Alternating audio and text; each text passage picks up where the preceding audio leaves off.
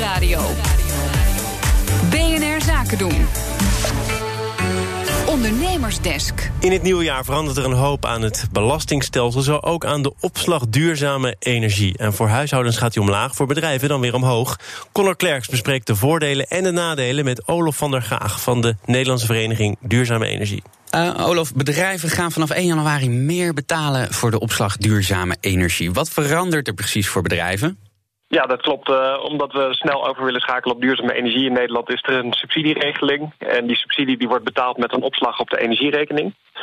Uh, die wordt betaald door iedereen, dus door uh, burgers, MKB'ers, grote bedrijven. En vanwege het klimaatakkoord heeft de politiek besloten dat bedrijven een wat groter deel van die rekening gaan betalen en burgers wat minder. Dus het hangt erg af van hoeveel aardgas en hoeveel elektriciteit je verbruikt als bedrijf. Uh, maar die opslag die, die, gaat, uh, die gaat wat omhoog. En voor, uh, nou, voor, voor een, een kleine bakker bijvoorbeeld of een kapperszaak betekent dat een paar tientjes extra per jaar. voor grotere bedrijven, bijvoorbeeld in de glastuinbouw, gaat dat wel om honderden euro's per jaar. En voor nog grotere bedrijven kan het om duizenden euro's gaan. Maar dus bij juist de duurzame energie gaat de belasting omhoog. Dat, dat klinkt een beetje contraproductief voor de verduurzaming. Bij alle energie gaat die omhoog. Dus of je uh, stroom en gas nou uh, duurzaam moet zijn of niet. Uh, er komt gewoon een vaste opslag per kilowattuur en ook een vaste opslag per kubieke meter aardgas. En nou, dat, dat, maakt inderdaad geen verschil naar duurzaamheid. Helder. En kun je dit als bedrijf compenseren ergens mee? Ja, wat natuurlijk het beste is, is als het lukt om je energieverbruik omlaag te brengen. Dus bijvoorbeeld door je bedrijf te isoleren of door ledlampen in te draaien... kun je je energierekening fors omlaag brengen. Uh, er zijn ook uh, subsidies waarmee uh, bedrijven groot en klein hun energieverbruik kunnen verkleinen of kunnen verduurzamen. Zoals? Dus er is bijvoorbeeld een ISDE-subsidieregeling waarmee bedrijven warmtepompen en zonneboilers gesubsidieerd kunnen kopen. er is ook de SDE++-subsidie, dat gaat over grotere projecten. Daarmee kunnen bijvoorbeeld transportloodsen zonnepanelen op het dak leggen.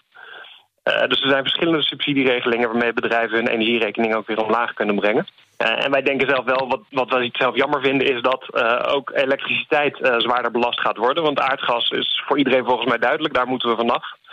Maar elektriciteit is juist een van de oplossingen. Onze stroommix in Nederland die verduurzaamt heel snel. We hebben over tien jaar tijd zo'n 75% van onze stroom van de zon en de wind.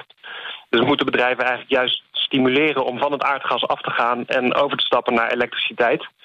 Dus wij vinden het verstandiger om die tarieven eigenlijk vooral voor aardgas te verhogen. En voor elektriciteit zouden wij ze juist liever verlagen. En dat is iets wat voor particulieren wel gebeurt. Dus als mensen thuis overstappen van aardgas op bijvoorbeeld een uh, warmtepomp die elektriciteit gebruikt, dan wordt dat uh, fiscaal bevoordeeld vanaf 2020. Maar wij zouden dat eigenlijk ook voor het bedrijfsleven graag zien. Waarom denk je dat dat niet zo is? Ja, dat is een goede vraag. Ik denk ook om het een beetje. Eh, er moest zoveel tegelijkertijd veranderen. Dus de oude opslag duurzame energie die was verdeeld over elektriciteit en aardgas. En volgens mij zat er ook gewoon gemak achter. Het was makkelijker om al die tarieven een beetje te verhogen... dan daar weer verschil in te gaan maken. Maar nogmaals, voor elektriciteit, voor particulieren thuis, voor kleinverbruikers is dat wel gedaan. Dus wij denken dat het ook voor grotere verbruikers kan. Dus bijvoorbeeld voor de glastuinbouw, dat is typisch een sector die uh, heel erg snel aan het verduurzamen is. Uh, daar zou het heel goed zijn als elektriciteit ook lager wordt belast. Dan gaan zij minder aardgas gebruiken. Uh, en dan schakelen ze sneller over op geothermie voor uh, warmte en op uh, zon- en windstroom voor een elektriciteitsbehoefte. En heb je nog een advies voor bedrijven die zich misschien zorgen maken over die regeling voor volgend jaar? Ja, kijk vooral even heel goed naar welke subsidiemogelijkheden er zijn. Want bij dat klimaatakkoord, daar zaten een paar wortels in en een paar stokken. Dus die belastingverhoging, dat is natuurlijk de stok. Die bedoelde dus om een stimulans te geven, maar er zitten ook echt wortels in, namelijk subsidieregelingen. Dus er zijn echt meerdere mogelijkheden om echt flinke subsidies te krijgen... om je energieverbruik te verlagen en je energie zelf duurzaam op te gaan wekken. Conor Klerks in gesprek met Olof van der Gaag van de Nederlandse Vereniging Duurzame Energie. Wil je nou meer horen uit de Ondernemersdesk? Je vindt alle afleveringen terug als podcast via onze site of de BNR-app. De Ondernemersdesk Energie wordt mede mogelijk gemaakt door Enpuls. Enpuls, baanbrekende ideeën voor de energietransitie.